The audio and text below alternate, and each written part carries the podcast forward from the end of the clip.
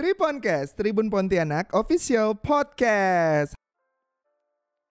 Halo Tribuners, kembali lagi bersama saya Rizky Fadriani dalam acara Triponcast Tribun Pontianak Official Podcast.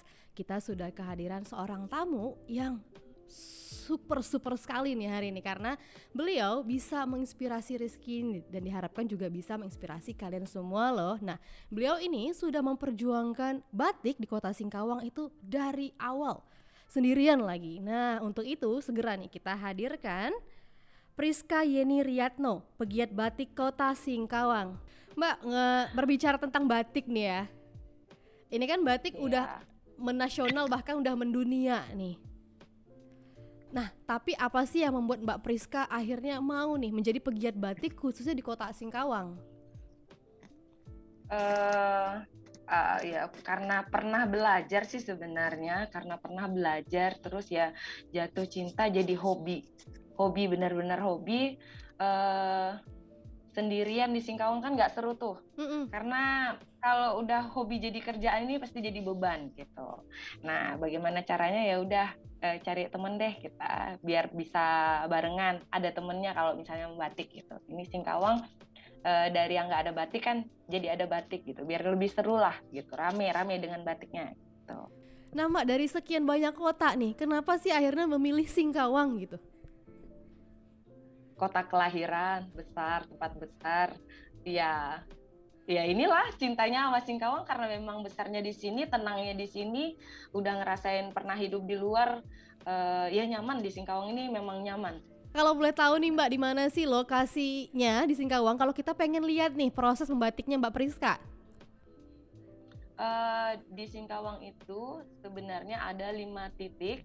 Uh, tadinya awalnya cuma tiga titik tuh, tiga penjuru yang kita bangun yaitu di Singkawang Selatan, Singkawang Barat, sama Singkawang Timur. Tetapi uh, sekarang sudah ada di lima titik, uh, yaitu di ada di Condong, di Mangrove, di Nyarongkop, di uh, Pasiran Cisadane, sama di Sedau. Jadi kalau setiap jalan ke Singkawang, kita jalan nih satu jalan hmm. ada nih tempat membatiknya Mbak Priska ternyata. Betul, ada di tiga pintu gerbang utama masuk wilayah kota Singkawang. Nah kalau misalnya Rizky nih Mbak ingin berkunjung gitu ya, ingin melihat tempat membatiknya tadi Mbak, ini apa sih yang bisa Rizky temukan di sana?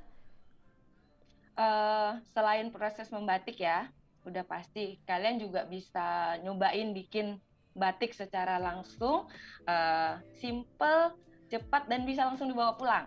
Kemudian uh, bisa ngelihat juga wisata alamnya kayak gimana. Kemudian dari sini juga ada banyak pernak-pernik oleh-oleh yang kita produksi sendiri, bukan cuma membatik. Gitu. Dari teman-teman pengrajin juga ada. Gitu. Berarti Rizky ketika datang ke sana juga bisa langsung membuat batik gitu ya Mbak? Betul, itu yang yang udah dipastikan itu. Kalian bisa datang workshop buat batik sendiri kemudian dibawa pulang. Tidak.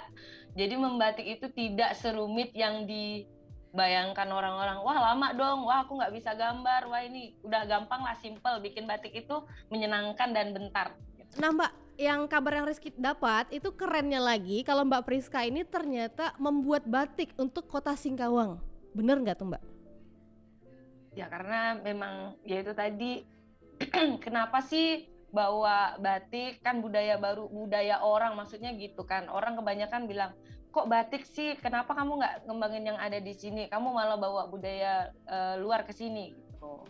Ya Singkawang akhirnya harus memilih motif Singkawang ya karena aku membatiknya di Singkawang. Apa sih yang membedakan dari batik-batik uh, di tempat lain? Ya bisa yang kita bisa bawa ya motifnya yang berbeda. Nah. mungkin teknik teknis pembuatan juga gitu itu yang bisa kita angkat selain selain motif Singkawang. Nama bisa digambarkan nggak sih seperti apa sih motif Iya. kota Singkawang tadi?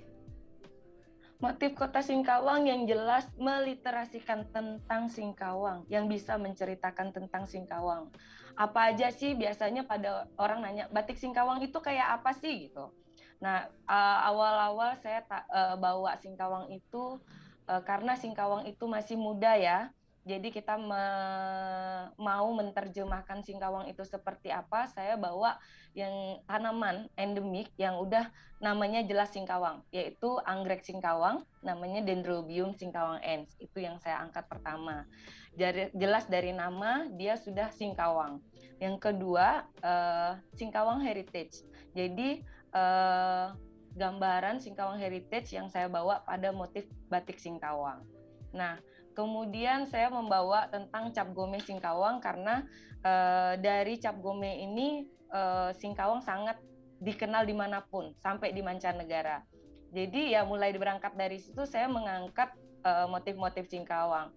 Tapi sekarang ini karena saya berada batik Singkawang ini berada di tiga penjuru, di tiga pintu gerbang utama masuk Singkawang itu masyarakat yang membuat batik itu adabnya sudah berbeda. Jadi mereka sudah bisa menerjemahkan motif-motif Singkawang itu dengan adab mereka sendiri gitu. Jadi motifnya sudah menceritakan tentang Singkawang dengan adab yang mereka bangun dari motif ini gitu. Ini inilah yang saya angkat dari motif Singkawang. Nah, kalau Rizky boleh tahu lagi nih Mbak ya, banyak yang mau tahunya Rizky nih ya Mbak. nih ke mana sih Mbak batik Mbak nih dipasarkan gitu? Dan mungkin ya ada kalangan tertentu nggak sih yang emang khusus sih memesan batiknya Mbak?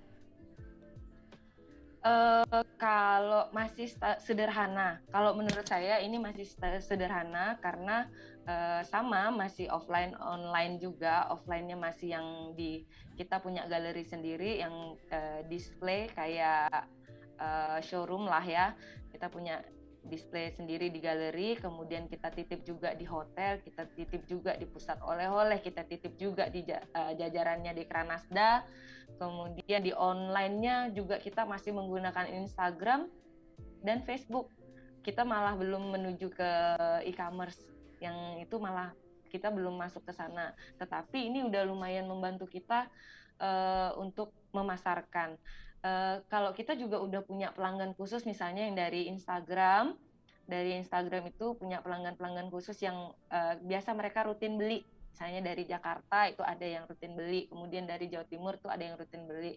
Kemudian dari jajaran uh, pejabatnya ibu-ibu persit itu juga udah rutin mereka belajar membatik juga mereka uh, rutin order rutin rutin order. Kemudian ibu wali kota dan ibu uh, ibu wali kota dan wakil itu juga sering memesan ke kita gitu. Bahkan kadang nggak pesan langsung beli yang ada aja deh gitu. Nah Mbak, kalau ada nggak sih Mbak kemungkinan gitu akan membuka tempat batik lain selain di Singkawang? Uh, membuka tempat batik lain itu belum, tetapi kalau mengedukasi uh, memang targetnya tahun ini adalah kita keliling Kalbar. Nah, eh, belum belum eh, berawal dari Singkawang, kemarin udah saya coba di Pontianak, eh, di kota-kota besar pertama ya di Kalbar ini, kemudian di di akhir tahun kemarin udah di Mempawah, saya masuk Mempawah. Semoga di awal tahun ini kita masuk di Sanggau Kapuas. Eh, Sanggau. Iya, Sanggau Kapuas. Nah, mungkin dengan kota-kota lainnya. Amin. Yang ada di Kalbar. Semoga lekas terwujud nih ya, Mbak. Amin, amin. Nah, berarti ini rencana ke depannya ya, Mbak. Ada nggak sih, Mbak, rencana lain lagi selain melebarkan nih sayapnya sampai ke Sanggau Kapuas dan daerah-daerah hulu lainnya tadi, Mbak? Balik lagi ke Singkawang. Balik lagi ke Singkawang. Jadi, uh, uh, jadi tidak lagi sebenarnya harapannya sebenar bukan hanya kampung batik, tetapi yang dibangun adalah kampung wisata edukasi untuk Singkawang.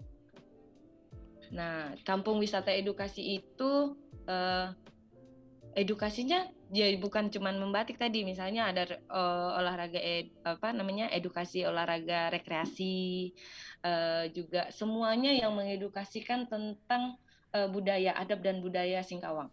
Nah, Silakan nih Mbak sampaikan closing statement Mbak terkait dengan Kampung Batik ini. Mungkin bisa mengedukasi teman-teman di rumah dan tribuners lainnya nih Mbak. Silakan Mbak.